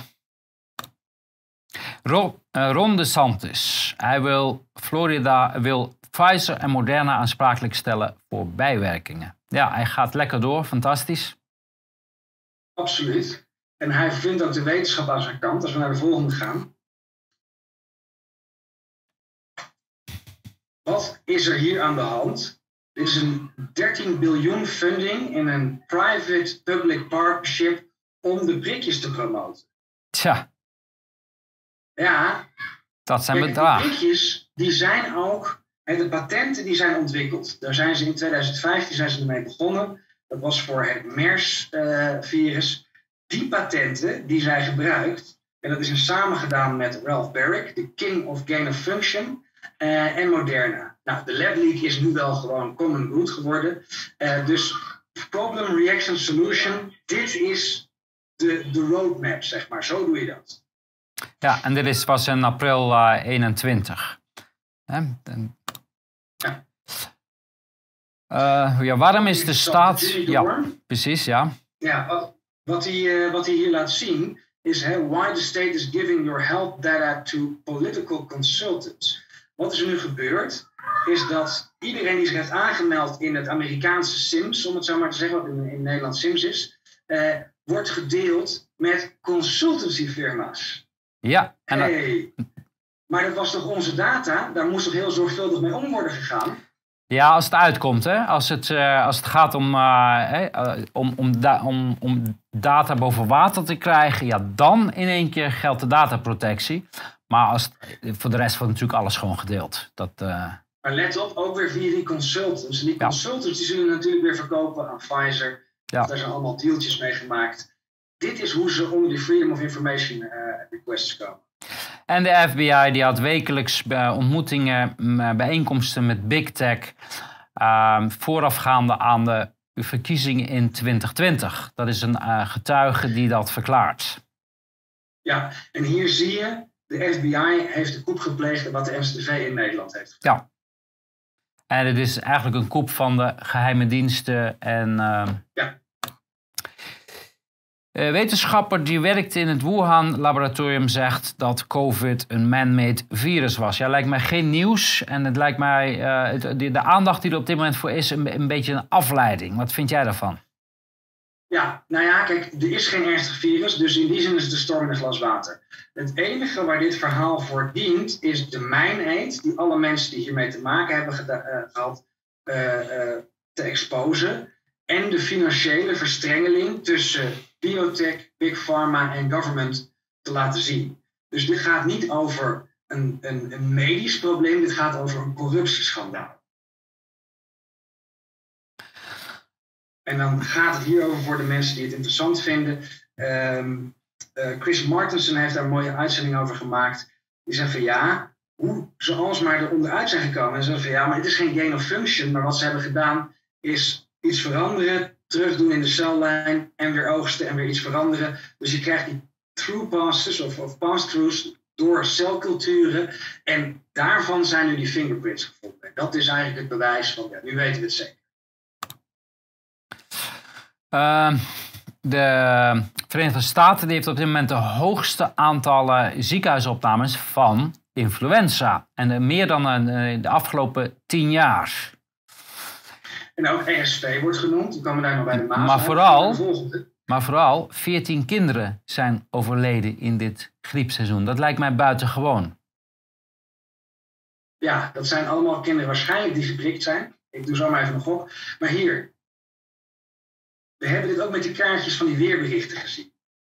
We worden constant voor de gek gehouden. Dezelfde aantallen griep of dezelfde aantallen influenza en we zien hele andere kleuren terug. Donker, Dit donkerrood. Is, ja. Ja. Dit is hoe wij bedrogen worden. Um, de, weet het, de orders van China aan, uh, in de Verenigde Staten zijn 40% uh, gedaald door het instorten van de vraag. Ja, en we zeggen het al een tijdje. Het kan niet goed blijven gaan door de economie alsmaar zo te dempen met allerlei gekke regeltjes. Het gaat een keer ploffen. In Duitsland hebben we het gezien. Duitsland is kapot. Het uh, begint te deindustrialiseren. Uh, maar er is grote kans dat uh, de grotere spelers, zoals Japan, China en de Verenigde Staten, hier ook mee te maken krijgen. Stalinistische uh, klimaatlockdowns gaan starten in 2024. Lokale uh, bewoners, uh, dit gaat trouwens over Oxford Share ja. Council. Zij willen gaan experimenteren met klimaatlockdowns. En dat betekent dat jij nog maar, ik meen 100 keer per jaar, mag jij jouw... Dit, dit is een beetje wat in de film The Hunger Games wordt gedaan de stad of de, de Shire wordt opgedeeld in 15-minute zones. Dus je moet blijven in waar je in 15 minuten naartoe kan lopen. knettergek. Ja, en dan zie je hoe diep de corruptie is dat zo'n uh, zo'n council, zo'n gemeenteraad daarmee akkoord gaat. Ja, dit is natuurlijk een experiment. Hè. Zo gaat dat. We, gaan, we beginnen met eentje en dan kijken we wat de reacties zijn. Nou, dat, dit is wat het is. En als de reacties meevallen, nou dan uh, zitten we straks allemaal erin. Dan zit je in Amsterdam, dan zit je in Amsterdam-West. Mag je niet naar Amsterdam Centrum, want je moet alles in Amsterdam-West blijven. En straks wordt dat natuurlijk alleen maar meer aangetrokken. we zijn de gevangenis aan het creëren waar we bij staan. Italië wil terug naar contante betalingen. En dat is uh, van Giorgia uh, Meloni. Ja, ja, positief. Ja. Ehm, het kan ook niet anders, zeker in de zuidelijke landen. Alles gebeurt hier met cash. dus is het een zoethoudertje? Ik weet het niet. Maar alles wat tegen Agenda 2030 is, nemen wij voor lief. Duitsland pakt rechts, rechtsextremisten uh, op die mogelijk een gewelddadige staatsgreep wilde plegen. Ik heb er nog niet in verdiept, moet ik zeggen. Ik zag wel voorbij komen. Ik zag wel al allemaal grapjes voorbij komen. Wat schijnen vooral bejaarde Duitsers te zijn. En ze hadden ook al een foto gemaakt van de vluchtwagen. Dat was dan een rollator. Uh, mijn eerste indruk is dat, men, dat dit een intimidatieactie is. Van, let op, waag het niet. een intimidatieactie. Ik heb uh, Beatrice de Graaf die zou dan Duitsland-expert zijn, hoogleraar. Die had met Sven Koppelmans een, uh, een interview hierover. Um, en was redelijk ingelicht. Als we dan naar de volgende slide gaan. Het betreft links een oude prins, uh, Heinrich Reus. En uh, rechts een voormalig rechter en AFD-politicus Birgit Malzak. En die worden weggezet als één wereldvreemd natie uh, en de andere als extreem rechts en uh, xenofoob. Wat hier duidelijk wordt geprobeerd, is inderdaad die intimidatie. Hier hebben we het ook al een keer in Duitsland meegemaakt in 2019. Ja. 300 uh, gewapende men, mannen die jullie bedrijf binnenvielen. Um, dat is in die zin ook een uitprobeersel geweest voor wat we nu zien. Op 24 plekken volgens mij zijn er invallen geweest. maar dan kijk je naar wat is er concreet. Er is geen planning. Er is geen sprake van planning. Voor, vooralsnog heb ik niet gehoord dat er wapens zijn aangetroffen. Dus dit gaat weer over mensen die een bepaalde ideologie aanhangen en die het niet eens zijn met hoe het nu gaat. Nou, dat mag niet meer. Nou, het is, ik geloof dat ze meer dan duizend uh, ambtenaren, eh, politiemensen hebben ingezet in deze actie. Ja, op mij komt het over. Er zijn natuurlijk op dit moment zijn er mensen die mogelijk plannen hebben. En die willen ze afschrikken van let op, uh, haal het niet in je hoofd, want wij komen je halen. Dat is een beetje wat ik eruit lees van wat ik gezien heb. Um, ja, nog, nog een belangrijk onderdeel. Um, Beatrice de Graaf haalde in het interview twee evenementen aan, waarvan we weten dat het allebei flex waren. Eén, de Rijksdagbestorming augustus 2020. Wij waren toen in Berlijn, ja. en we zaten van, huh, hoe is dat nou? Dat bleek later helemaal in scène gezet. En toch wordt dit verhaal gewoon doorgekabbeld. Ja. De andere is de 6 januari bestorming van het Capitool, waar Trump nu voor wordt gehoord, wat ook in scène is gezet. En nu zie je dat hele terrorismeverhaal. Het is een hoax. Ja, absoluut altijd geweest. Het is ook net als met COVID en zo. Het is een manier om uh, rechten weg te nemen, mensen bang te maken. Ja, ik heb altijd al gezien van ja, wat is het probleem? De kans om aan terrorisme te sterven is, uh, is zoveel keer kleiner dan uh, door de bliksem getroffen te worden. maar het werkt. Angst werkt. Ja. ja, nog even over die Lauterbach. Je oh, ja. liet het net zien. Ja. Um, Lauterbach weet niet eens wat er in die wet staat. Dat is ook logisch, want hij is altijd dronken. Hij heeft geen verstand van zaken en hij zit daar alleen maar als clown. Ja. ja. Kubicki ook... Uh, uh, ook de SPD die schaamt zich intussen uh, voor Lauterbach. Ja, dat, dat, ik snap niet dat dat nu pas is. Ik, ik, had me van tevoren al geschaamd als ik hun was. Maar mijn indruk is, niemand anders wilde dit doen. Dus hebben maar uh, de laatste idioot genomen die dacht van, nou, ik doe het dan wel. Uh, willen de Groenen de geschiedenis uh, opruimen. Het gaat over dat ze de, een zaal uh, in het parlement, hè, wat was het? Van, die was de Bismarckkamer. Ja. Moet de Hall of German Unity heten. En we zien dat in de Verenigde Staten, we zien dat in Nederland al het hernoemen, excuses maken. straatnamen die moeten veranderen. De identiteit en de geschiedenis moeten worden uitgewist. Ja. En dat is een onderdeel, of je het nu eens bent met de VOC of niet, het is een onderdeel om mensen te ontwortelen. Ja. En dat is essentieel als je social engineering wilt plegen. Ja. Uh, de coronaregels die gaan worden waarschijnlijk deze week afgeschaft. En dat gaat dan over Sachsen-Anhalt, een uh, land in Duitsland. Ja, interessant. Uh, we zitten al ver in de winter. Is Duitsland gaat, en Duitsland trekt zich desondanks steeds meer terug. Hoewel men uh, nog steeds pro forma iedere keer uh, samenkomt en dan zegt: ja, we gaan dan bekijken of er maatregelen komen. We zijn inmiddels december. Ze durven het niet aan. En wat dat betreft is dat denk ik wel een succes geweest. mensen, de, de overheid, ze durven het niet meer aan om met nieuwe maatregelen te komen. Mensen zijn er klaar mee. En Oliver Janiskees, dat is degene die in Filipijnen werd opgepakt, maandenlang vastgezeten heeft. En nu heeft hij tien maanden voorwaardelijk gekregen. Ja, omdat hij volgens mij heeft bekend, omdat hij gewoon uit de cel wilde. Hè? Ja, maar wat, Dus wat, wat een- moest hij bekennen? Het ging over een tweet. Ja, Wat, wat viel er aan te bekennen? Ja, ik heb die tweet gestuurd. Eh, controversiële infectoloog. Hè? De, de, de griep is gevaarlijker dan corona. maar het mooie is, controversieel, nee, deze zat in het Oostenrijkse OMT. Dus eh, zo- zolang je narratief steunt, dan ben je top-expert, maar wijk je er vanaf, dan ben je opeens controversieel geworden. Dus dat is wel heel, eh, Ja. heel bijzonder. Ehm, de, dat de griep gevaarlijker is dan corona is denk ik altijd waar geweest. In realiteit zijn virussen bij luchtweginfecties hooguit cofactoren die bepalen of je ziek wordt. Eh, dus de, het hele idee dat mens sterft hieraan is denk ik een versimpeling die de waarheid eh, eh, geweld aandoet.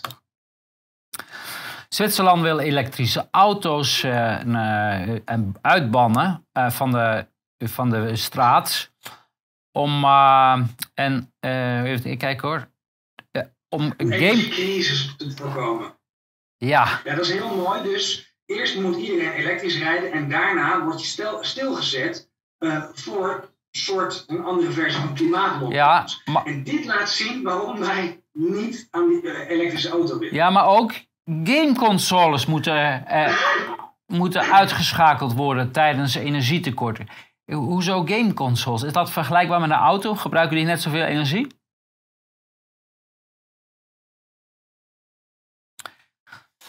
Ehm, Tr- eh, Trumps eh, weet het, eh, budget chief die biedt een plan aan om de woke-agenda de financiering weg te nemen. Ja, Ik zou het plan direct aannemen, want woke is broke. Ja. Dus zo snel mogelijk ervan af. ja mensen willen het niet. Men- het, het, is, het wordt ook zo op een zo'n irritante manier bij mensen erin geramd. Dat gaat het nooit redden. Ja, ehm, Argentinië. Christ- krijgen we even een, een lijstje van alle verkiezingen of alle politiek in Zuid-Amerika. Daar rommelt het. Het staat niet op zichzelf. Ja, Peru eh, begreep ik was. Ja, Peru ook. De vicepresident eh, wordt de eerste vrouwelijke leider na Castillo's afzetting. Ja, Peru heeft overigens wel een, eh, een traditie van eh, presidenten die in de gevangenis landen. Hè? Want Fujimori, die had geloof ik 20 jaar gekregen. Hè? De- Ja. Japanse, van Japanse afkomst president, ja. En allemaal over corruptie. Logisch, want je, je wordt geen president zonder corruptie. Maar het rommelt in Zuid-Amerika. Ik heb het gevoel dat Agenda 2030 zijn invloed aan het verliezen is. En dit is de belangrijkste reden. Het staat nu onomstotelijk vast. Er is gefraudeerd. En, als we dan weer naar de volgende gaan. Het lijkt er sterk op, want wij worden elke dag op de hoogte gehouden door onze correspondent ter plaatse. In vrijwel elke grote stad heeft het leger nu enorme hoeveelheden voertuigen en manschappen gestationeerd. Eh, De kans is groot dat we inderdaad een militaire machtsovername zullen zien de komende paar dagen. en dan gaat Lula weer eh, eindigen waar hij vandaan komt. En dat is in de cel. En dat is waar hij ook hoort. Ja, dat is heel goed mogelijk. India die uh, verwijdert alle, haalt alle reisbeperkingen terug en gaat terug naar normale toerisme. Ja, goed nieuws. Ja, dit is natuurlijk van een paar weken geleden, maar het laat zien, we hebben naar Duitsland, we gaan naar China. Alle gezeur over die maatregelen zijn onzinnig, want eh, iedereen trekt het terug. Ja. En hier wordt ook over de amazing U-turn. Waarom kwam die U-turn?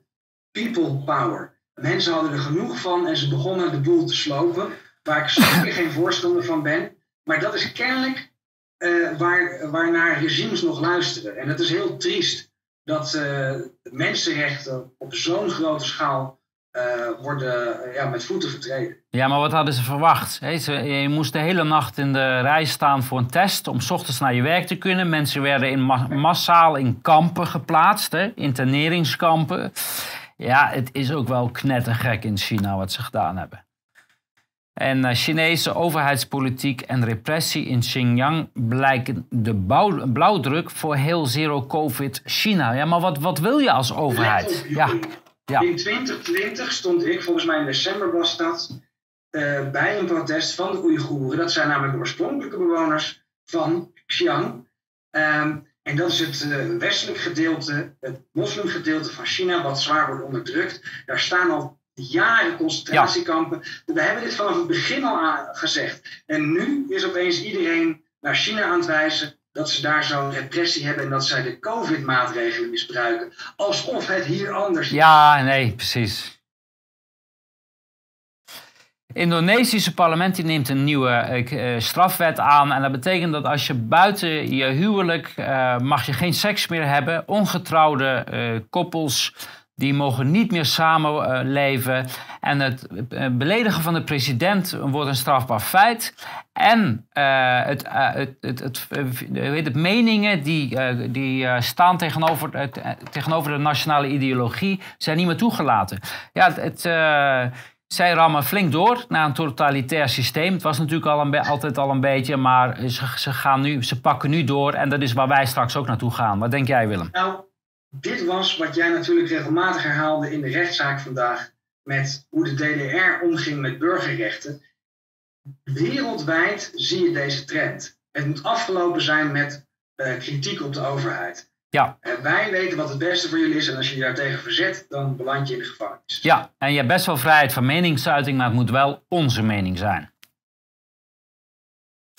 Rechtbank Nieuw-Zeeland dwingt ouders om baby gevaccineerd bloed te laten ontvangen. Ja, totaal pervers wat hier gebeurd is. Want er waren allemaal don, uh, don, don, bloeddonors die wilden dat zuiver bloed zonder geïnjecteerd te zijn, wilden ze beschikbaar stellen.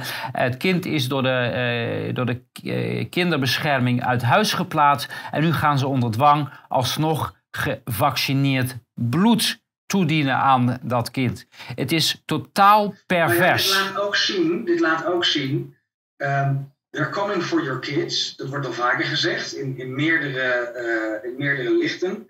Um, maar het is ook dat zelfbeschikkingsrecht, of het recht op gezinsleven, alles moet kapot. Ja. Ze willen af van alle grondrechten. Ja, en dit laat zien die provocatie. Waarom? Wat is er voor bezwaar tegen als jij zegt, we hebben een bloeddonor en we willen dat niet. En dan ga jij als staat zeggen, nee hoor, je hebt daar niet over te beschikken. Wij gaan het gewoon doen. Agenda 2030. Een wolf... Daar waren we eigenlijk al vol mee bezig. Ja. Een wolf doodt de 30-jarige pony van Ursula van der Leyen. Ja, ergens is het natuurlijk uh, karma of ironie dat uh, allemaal van dit soort mensen uh, van de Ursula van der Leyens natuurlijk liever natuur zien dan mensen. Maar dat die natuur dus ook negatieve gevolgen kan hebben op huisdieren, dat maakt ze nu dan mee. Dan denk ik aan de andere kant, 30 jaar voor een pony, dat was ook wel erg oud. En dan is het je tijd om te gaan. World Economic Forum staat niet op één bij mondiale zakelijke elite. En dat gaat erover dat eh, die eh, multinationals heel veel clubjes hebben. Het is niet alleen eh, de World Economic Forum, maar ook in andere eh, verenigd zijn. Ja, maar dan krijg je dus de trilaterale en andere denktanks. Uh, het is allemaal hetzelfde. Het zijn uh, intranationale of supranationale organisaties waar nul democratie in zit. Het is een uh, overheersing, neo-feudalisme wordt dat wel genoemd, of neocommunisme. Hoe je het ook bent of keert, het is niet voor de burger. Nee. En het is wel degelijk een koep. Ja. Uh, het doel van Schwab's uh, pioniers, dat is het uh, in, bez in, bezitneming, hè, de, onteigenen van eigendommen, het vernietigen van onderwijs en in het algemeen de media blackouts. Ja, dus hier wordt die Deense MP aangehaald die van you'll own nothing and you'll be happy. Um, dit is wat het gedachtegoed is van Agenda 2030 en de WEF. Ik, ik kan het niet vaak genoeg herhalen. Het is out in the open. Ja, en het gebeurt ook waar we bij staan. Hè? Je hoeft niet eens meer, je hoeft geen complotdenker meer te zijn om het te zien. En Rabo zegt de supermarktprijzen gaan verder stijgen. Ja. Volledig volgens planning. Uh, zelfde idee als dadelijk water en nu al CO2 uh, eh, en, uh, en, de inflatie in de bankzaken. Iedereen moet kapot. En de mensen die nog steeds hun boodschappen kunnen betalen, daar moeten we het nog een beetje aandraaien, zodat ook zij naar de voedselbank kunnen. Bloomberg, een paar graden, hoe heet het, houdt ons... Europa van ja, blackouts. Precies. Ja, nou, ik ben benieuwd. Ik verwacht zelf overigens geen blackouts voor januari, februari. Ik denk dat ze dat uh, voor ons nog even bewaren. Maar inmiddels zien we in alle landen, zelfs in Frankrijk, en Frankrijk was, is een van de grootste stroomexporteurs uh, van Europa. Uh, daar hebben ze besloten om alle kerncentrales tegelijk in onderhoud te nemen. En ik heb daar ook over getwitterd van, ja, kijk eens aan. En wat, wat denk je wat voor reacties je krijgt? Van ja, oh weet je dan niet van het onderhoud? Nou, ik, ik weet niet hoe lang ze al kerncentrales hebben. Het is nog nooit gebeurd dat ze alle kerncentrales tegelijk stoppen. Het is, het is maar één doel en dat is uh, destructie van de economie en uh, van de mensen. Analyse, het inflatieprobleem uh, zal de komende jaren gewoon doorgaan. Ja, en dit is ook weer het, het, malen van de burger. We zijn er nog lang niet nee. vanaf, mensen. Nee. Bedrijven die haver- en sojamelk maken, verkopen restproduct als veevoer. Ik viel om van verbazing. Ja, wat is het probleem nou precies? Eh... Nou, het is niet per se een probleem, maar hier zie je die new economy is te hypocriet voor woorden. De melkvervangers die stimuleren het aanmaken van melk. En dat zie je ook met uh, de windmolens. De windmolens hebben een gas- of steenkolencentrale nodig om, en, uh, om uh, energie te kunnen leveren. Het is allemaal onzin. En Nigeria die gaat de, de, hoe heet het, de pinauto, de, de geldautomaten ehm, mag je alleen nog maar 225 per week om je te dwingen de, de digital currency te gaan gebruiken. Ja, dit is de, de stappen die ze steeds maken. iedere keer, het is de lockstep. Hè? Je wordt gedwongen om erin mee te gaan. Je hebt geen keus. En uh, Nigeria is een proeftuin, dat weten we. Uh, we hebben uh, laatst al besproken dat daar de digital currency eigenlijk mislukt was. Um, en ze accepteren het niet. Dus nu gaan ze de volgende dwang doen. Maar nu ook dit stuk van dat je een maximum budget hebt per week. Dit is een sociaal ja. kredietsysteem. Ja, en het is nu officieel. In Frankrijk worden korte afstandsvluchten uh, worden verboden. Uh, om, uh, zodat je met de trein kan gaan. Ja, en dit is tweeledig. de overheidsbemoeienis is natuurlijk walgelijk. Hè? De controle over fictieve problemen. Het andere is, sommige oplossingen zijn best logisch. En dat, we, dat we beter met de natuur om moeten gaan, meer moeten filteren, minder afval dumpen. Daar kunnen we allemaal ja tegen zeggen. En dat maakt dit, dit ook zo lastig. De Agenda 2030 is een hele filijne marketingmachine uh, die al onze idealen heeft gekaapt en heeft omgevormd tot iets pervers. Ja. En uh, dit is uh, van het WHO Collaborating Center voor Seksuele en Reproductieve Gezondheid. Dan denk je, oh, ja, nee, het kan iets met gezondheid te maken hebben, maar dan gaan we naar de volgende. Oh, WHO wil dat kinderen onder de vier jaar leren uh, over masturbatie en genderidentiteit. Ja, het, het, het is de, te pervers voor woorden, Willem. Wat vind jij hiervan? Dit, dit, is van, dit is van mei 2020. Ja. Nu staat iedereen op zijn achterste benen, maar toen hebben ze het al gezegd, we gaan aan social engineering. Dus die, die hele, dat wokisme wat we nu over ons heen krijgen, is gewoon onderdeel van die social engineering. Dan de volgende. Ja, en hier hebben we het over gehad, die Paarse Vrijdag. Die moet je in deze context zien van wat we net hebben gezien met de WHO.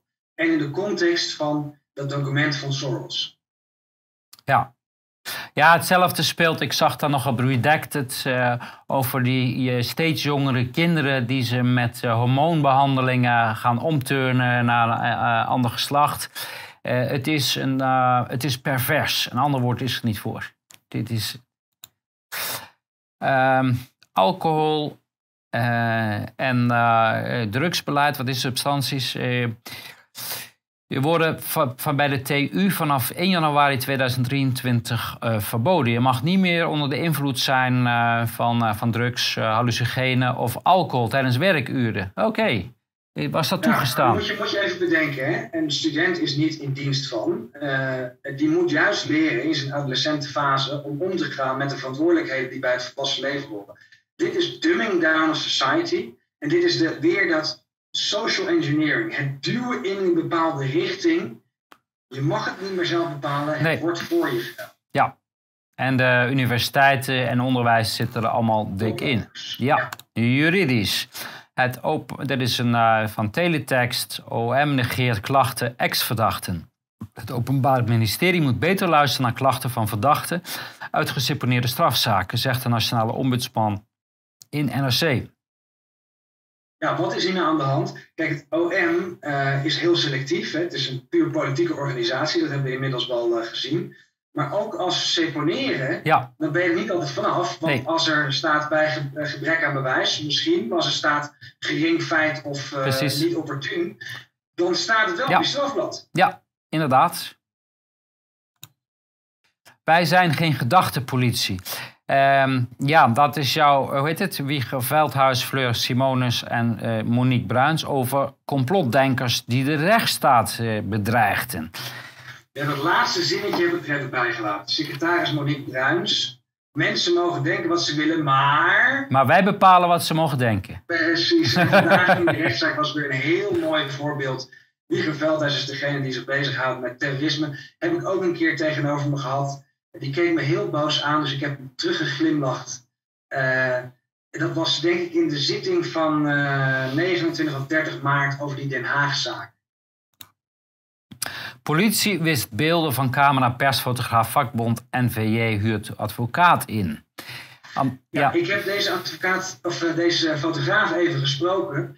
Binnenkort brengen we het hele verhaal met interview. Het is een waanzinnig verhaal, Jeroen echt als een pure crimineel werd hij behandeld. Uh, camera's werden in beslag genomen, alles gewist. Knetter, knettergek. Ik ben benieuwd. Ja. Dan hier, uh, Daniel Gerrits, die had vandaag ook zitting, net zoals uh, Debbie Blekenwilder, die ook wel Iruma wordt genoemd. en dat zeiden we al in, in april. Hè. Toen werd ik vrijgelaten en toen dachten we, hey, de eerste poging, alle mensen die zich verzetten op te sluiten is mislukt, maar we zijn nog niet van ze af. We zitten nu in die tweede golf. Mensen worden niet meer door de politie van hun bed gelicht, maar worden wel gedagvaard. En dat heet SLAP. Systemic Lawsuits Against Public Participation. Wat is er hier aan de hand? Uh, zijn kinderen zijn uh, van hem ontnomen. Daar voert hij al een tijd actie voor. En nu wordt hij gedagvaard door de stichting uh, Jeugdbescherming Rotterdam-Rijnmond, omdat hij ze constant aan de kaak stelt wat er is gebeurd en mensen met naam en toenaam noemt. En dat vinden ambtenaren niet leuk. Nee, daar hebben we het vaak over gehad. Uh, de overheid heeft loyale ambtenaren nodig en die blijven loyaal zolang zij zich beschermd voelen. Op het moment dat zij het in hun privéleven gaan voelen, de gevolgen bijvoorbeeld doordat mensen hun aanspreken daarop, dan wordt het een ander verhaal. Dus uh, daarom zie je ook, we hebben hier meerdere rechtszaken gehad met name jouw broer, hè, Jan. die is meermaals gedagvaard door de staat, omdat hij foto's online had gezet op zijn website van uh, een belastingambtenaren die criminele feiten plegen. Dat is dan die deelnemen aan het en die zijn niet anders bezig dan op de achtergrond mensen te fucken en mensen het leven zuur te maken. Die, die mensen hebben hele grote mond, zolang ze maar op de achtergrond en anoniem zijn. Maar op het moment dat ze met een gezicht ergens staan, dan zie je, zie je ineens daar heel. Jij was er ook geloof ik bij. Heel zielig. Van oh, en uh, mijn, mijn privéleven wordt er helemaal door geschaad. Maar wat zij die mensen, andere mensen aandoen, daar hoor je ze niet over. En daar voelen ze ook niks bij. Nou, dat hebben we toen ook in die zaak van, uh, wat was het, 11 mei of 12 mei 2021, uh, eh, hebben we het naar voren gebracht. Ik kan me goed voorstellen dat mensen slecht kunnen slapen als ze namelijk dader zijn van een misdrijf. Het andere wat we, wat we aanhaalden is van, wacht eventjes, jullie zitten hier uit goed uh, werkgeverschap, want de belastingambtenaren zelf waren daar niet. Net zoals in die zaak van Huig Plug, die rechter die werd, zogenaamd werd belast, die zat daar zelf niet. Maar er komt de landsadvocaat of een vertegenwoordigend uh, kantoor, komt de misdadigers ehm, verdedigen. Want er wordt niet ontkend dat die feiten gepleegd zijn. Hè? En dat, dat is het bizarre met dat pikmeerarrest. We hebben het over ambtenaren waarvan vaststaat dat ze onrechtmatige handelingen hebben verricht. Maar het begon ooit, ik kan me dat goed herinneren, dat het echt, uh, deze, dat was T. Fred Teven. En die zei toen, blijf van onze mensen af. En dat is wat het is. Blijf van onze mensen af. Dan gaan we naar de volgende. En deze vond ik zo bijzonder, want B, dus 10b gaat dan over al die mensen. Dat was een heel belangrijk punt. En dat 10a gaat over niet in verband willen worden gebracht. Dus die stichting mag niet meer genoemd worden in verband met kinderdiefstal, corruptie, antisemitisme, islamisering en of ontvoering. Dat moet verwijderd worden uit de zoekresultaten. En dit laat zien hoe gevoelig deze organisaties zijn. Ze moeten een smetteloos karakter hebben, net als de rechtspraak in Nederland, terwijl ze het heel bond maken. Ja, Rechtspraak is kennelijk alleen openbaar voor zover het de rechter behaagt. En uh, dat, gaat, dat gaat erover dat uh, rechters maken nu uit of burgers een uitspraak wel of niet uh, kunnen inzien. Ja, um... En dit gaat over, waar jij zei van, oh, dit is een oud artikel. Die wethouder die werd lastiggevallen. Dat vonnis mocht niet openbaar. En toen is de krant erop ingegaan, zo van, huh, maar waarom mogen we niet zien? En dan gaan we naar de volgende, wat er dan in dat vonnis stond. En dan blijkt het toch een veel genuanceerder verhaal te zijn van gewoon ja, een dispuut tussen twee mensen. Maar ook hier zie je weer, kom niet aan onze mensen. Ja. IVD mag een nieuwe wet op grote schaal internet uh, aftappen. Dat is ook weer zo'n nep verhaal, alsof dat ze dat tot nu toe niet deden. we hebben toen de sleepwet gehad, die is uh, er niet doorheen gekomen. Dan gaan we naar de volgende, want die staat er ook bij. Er wordt het net gebracht dat er iets nieuws is. Maar er zijn dus al mensen afgetreden. Uh, Ronald Prins, die vond het natuurlijk prachtig, maar zijn opvolger, uh, uh, Hubert, die vindt het niet door de beugel kunnen en is afgetreden. Want die zag, dit gebeurt al op grote schaal. Het volk wordt nog een keer voorgelogen. Dan gaan we naar de volgende. En dan zien we die sleepwet waar er vijf jaar na het referendum, het wordt er toch gewoon doorheen geduwd. En dat heeft er alles mee te maken dat dit de norm is als dit alsnog wordt afgekeurd, dan kunnen de laatste twintig jaar alle vonnissen van het OM van tafel. Ja, kijk, ehm, de overheid al twintig jaar lang doet gewoon waar ze zin in hebben. ook met, met uh, privacy en zo. Het maakt allemaal niet uit. Alleen maar, ze proberen het af en toe wit te wassen. Bijvoorbeeld omdat ze dan een wet gaan aannemen voor iets wat ze al lang doen. Maar het is één groot theater. De overheid uh, die ziet de wet niet meer als een... hoe zij vrijblijvende richtlijn. Tenzij het gaat natuurlijk om jou. als jij je niet aan de wet houdt, ja kijk, dan heb je een probleem. Maar de overheid... Nou, als zij vinden dat je ontoelaatbaar gedrag hebt, stabiliseren ze een strafklacht. Precies. Almelo wil kunnen optreden tegen online openbare ordeverstoringen. Er komt morgen een artikel uh, in de andere kranten over. Knettergek. Die, ze hebben in de APV nu een bepaling um, opgenomen dat als uh, bewoners uh, berichten plaatsen op social media die zij beschouwen als opruiend of een verstoring van de openbare orde. Hè, want daarom plaatsten ze dat in de APV. Want ze zeggen ja, openbare orde is, is van de burgemeester. Alleen, uh, dit kan niet. Hè? En wel om twee redenen. Ten eerste is het niet aan een gemeente om bijvoorbeeld openbaar orde uh, opruiming via social media strafbaar te stellen. Daar hebben wij de, de, de wetgever voor. Die heeft een wetboek van strafrecht. En als het daar strafbaar gesteld is, kan een gemeente niet zelf bedenken om nog iets, een, eh, een variant daarop zelf strafbaar te stellen. Dat is het eerste. Tweede probleem wat hierbij is, dan gaat de gemeente bepalen wat dan opruiming is. En, nou, en dat is precies niet de taak van de overheid. In ons systeem is zo, daar was ook vandaag die rechtszaak over eigenlijk. Eh, censuur is verboden in een rechtsstaat. Dat betekent, de enige die erover gaat is de rechter. Als bijvoorbeeld de gemeente vindt dat jij opruimend bericht hebt geplaatst, dan kunnen ze de officier van justitie inschakelen, ze kunnen aangifte doen, maar het is uiteindelijk de rechter die, die bepaalt waar de grenzen liggen. Dit is, maar het erge was, de wethouder die zei, dit kwam uit Den Haag. Men is dit, dus het maakt allemaal niks meer uit. Eh, wat wij wisten voor 2020, het recht en noem maar op, het bestaat niet meer. We zitten in een, uh, in, een wetteloze, uh, rechtsvrije ruimte waar de overheid gewoon maar een beetje freewheelt en doet waar ze zin in hebben. Ik weet niet waar dit heen gaat, maar uh, ja. Medi hoe heet het, juridische perversiteit, zou ik het willen noemen. Medisch. Klimaatverandering, daar krijg je migraine van. En dan krijg je ook hartaanvallen en dement word je ervan. die zijn veel ernstiger. Um, ja, heel ernstig Willem. Al die, die klimaat die, die veroorzaakt zo ongelooflijk veel ellende. En wat, wat, wat denk jij daarvan? We moeten direct in een lockdown. Dat denk ik ook, ja. Want uh, ja, met die spuiten zal het waarschijnlijk niks te maken hebben. Of de pesticiden of de GMO's, ja. want het is al een studie van 1990. Um, Dit hebben we net gehad al, volgens mij. Hier weer, dus we hebben hem net al eventjes in het Nederlandse nieuws, maar je ziet dat dat uh, wereldwijd wordt gepusht. Er wordt gezegd van ja, let op, juist door dat we niet opletten, kan er een nog een dodelijke variant opkomen. Ja, als we niet opletten, als we niet goed naar de laboratoria in China kijken, dan komt er gewoon weer een nieuwe variant. Pleidooi voor harde aanpak schurfprobleem. Ivermectine-pil voor iedereen uit risicogroepen. Dus ze gaan nu mensen paardenmedicijnen geven. Willem, hoe zit dit? Nou, het plan is dus om uh, alle jongeren die in studentenhuizen wonen, die uh, grotere kans hebben op een uh, aangestoken te worden met de schurfmijt, preventief ivermectine geven. ja, kijk, nu komen we in, in het hallucinante gebied, hè, wat toen wij het zeiden, als het over COVID ging, was het schandalig. Gevaarlijk. op het verse gespuugd worden, de BIG-registratie afgenomen, beboet noem maar op. Mark van Rans kreeg je over je heen. Nou, dat is geen pretje, kan ik je zeggen. Ehm, maar nu is het wel allemaal rondom.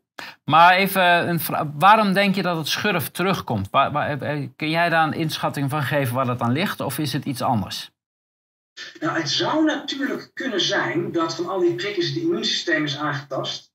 Uh, want het immuunsysteem uh, zorgt ook dat je afweer hebt tegen parasieten. Oké.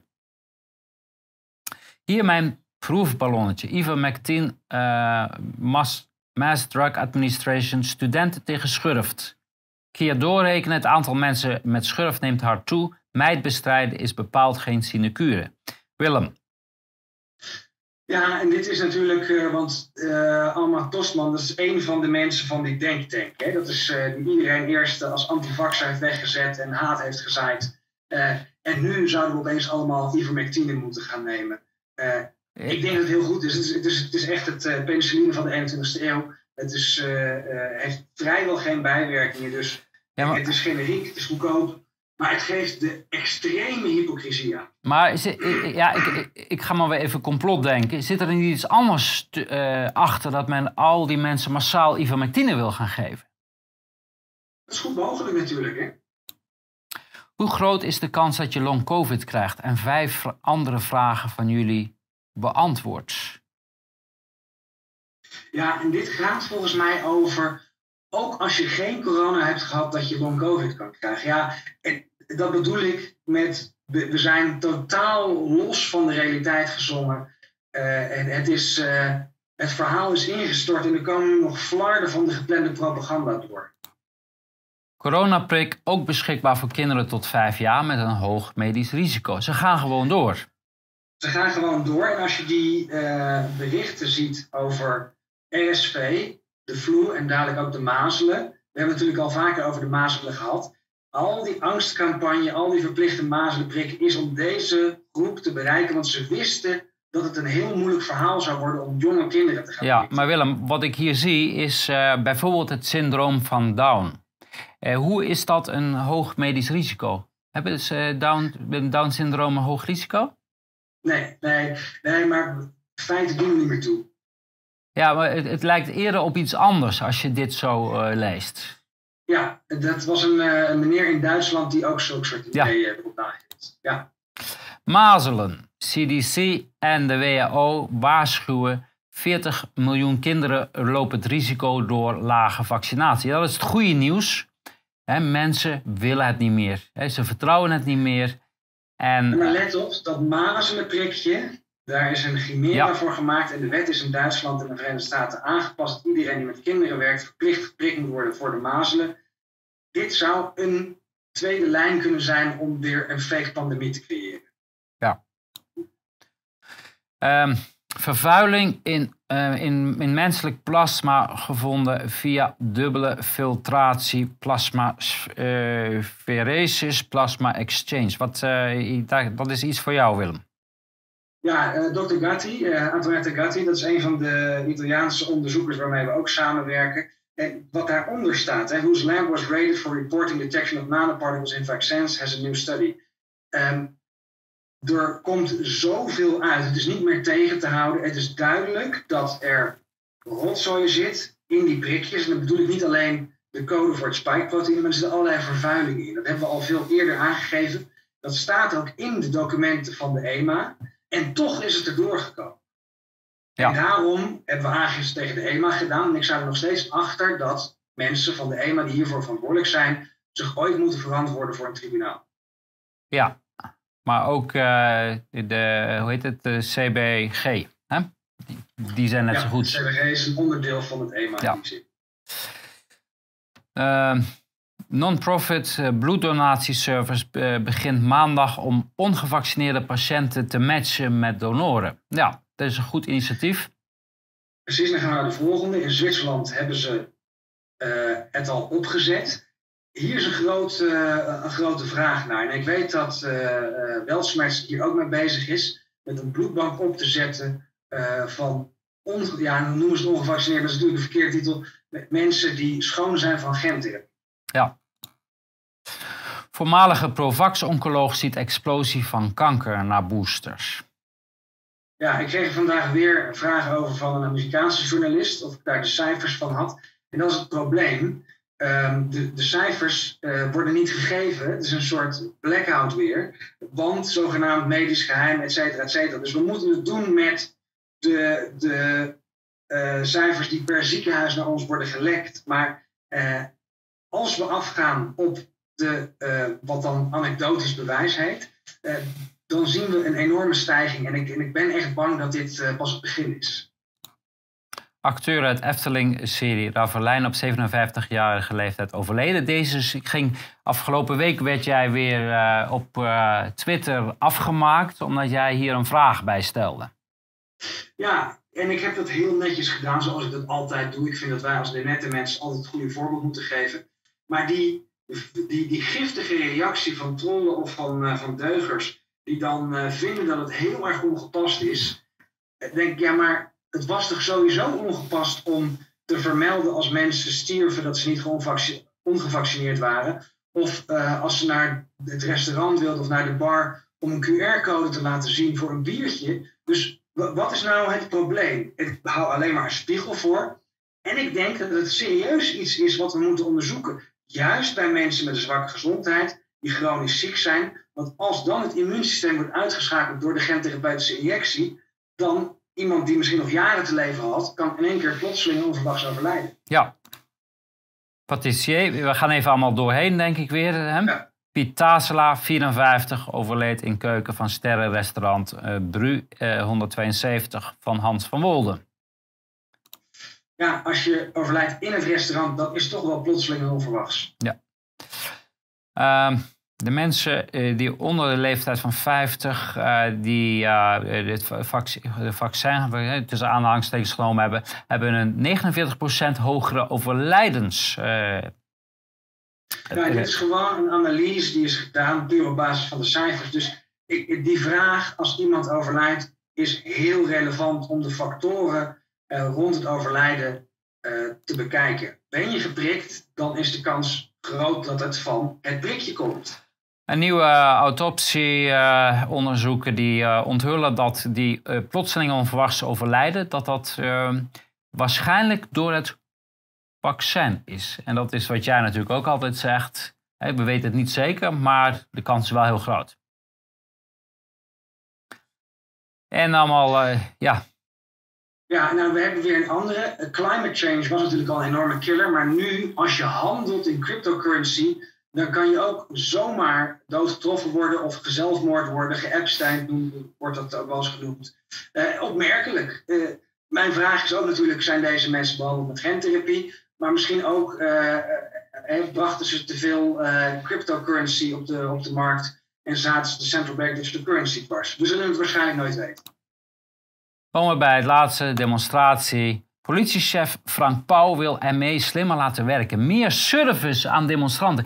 Willem, wat vond jij van de service de afgelopen twee jaar van de uh, politie en de ME? Ja, en dan zie je daarboven schieten met scherp tijdens demonstraties. Het laatste dat wij willen. Ja en nee. Eh, het is al een paar keer gebeurd nu. Uh, ik geloof dat de politie in posities wordt gebracht waarbij zij denken dat ze niet meer anders kunnen handelen dan dat. Uh, in plaats van dat ze kritisch zijn naar hun leidinggevende en vooral naar de informatieverschaffing, want daar gaat het fout. Hè? Alles wat onder controle staat van de SCTV. dit is een soort charme-offensief naar de demonstrant van hey, we staan uh, echt wel uh, aan jullie kant, of in ieder geval zijn we neutraal, maar dan gaan we naar de volgende. Ja. Die meer service ja. zit, meer, zit in extra wapens, zit in harder optreden. Ja. Dat is in ieder geval duidelijk. Hè? Ja. Extra niet-dodelijke wapens. Dat is wel fijn. Dat je niet dood wordt geschoten, maar in elkaar wordt geschoten. Of getaserd of weet ik veel wat. Hè? Ja. Politie wordt door een deel van de bevolking niet meer gezien als een neutrale instantie, maar is zelf partij geworden bij rellen en demonstraties. Het is de vraag of de beschikbare middelen nog volstaan bij de uitoefening van onze taak, zegt Paul. Ja, het eerste deel is waar. Weer die, die bizarre omdraaiing. Ze geven dus toe dat ze onderdeel zijn geworden, dat ze partij zijn geworden omdat ze een politieke kleur hebben. Ja. Het is kartel all over it. Oproep voor nieuw massaal protest tegen Iraans regime. Ja, en ik ben hier heel dubbel in, want natuurlijk steun ik de mensen die democratie willen, die vrijheid willen. Dus daar voel ik een verbondenheid mee. Maar de hypocrisie van het Westen om deze mensen aan te moedigen, maar dan niet echt te helpen, waardoor ze massaal tegen de muur worden gezet, vind ik heel erg gevaarlijk. En, met het vingertje wijzen naar Iran en China, terwijl wij hier in het Westen onze demonstranten net zo hard in elkaar slaan en ook neerschieten, want we zijn de beelden van 19 november 2021 niet vergeten. Um, ja, ik, ik, ik krijg er een dubbel gevoel bij. Dat was het uh, voor deze week. Ja, deze nou. keer een beetje een korte.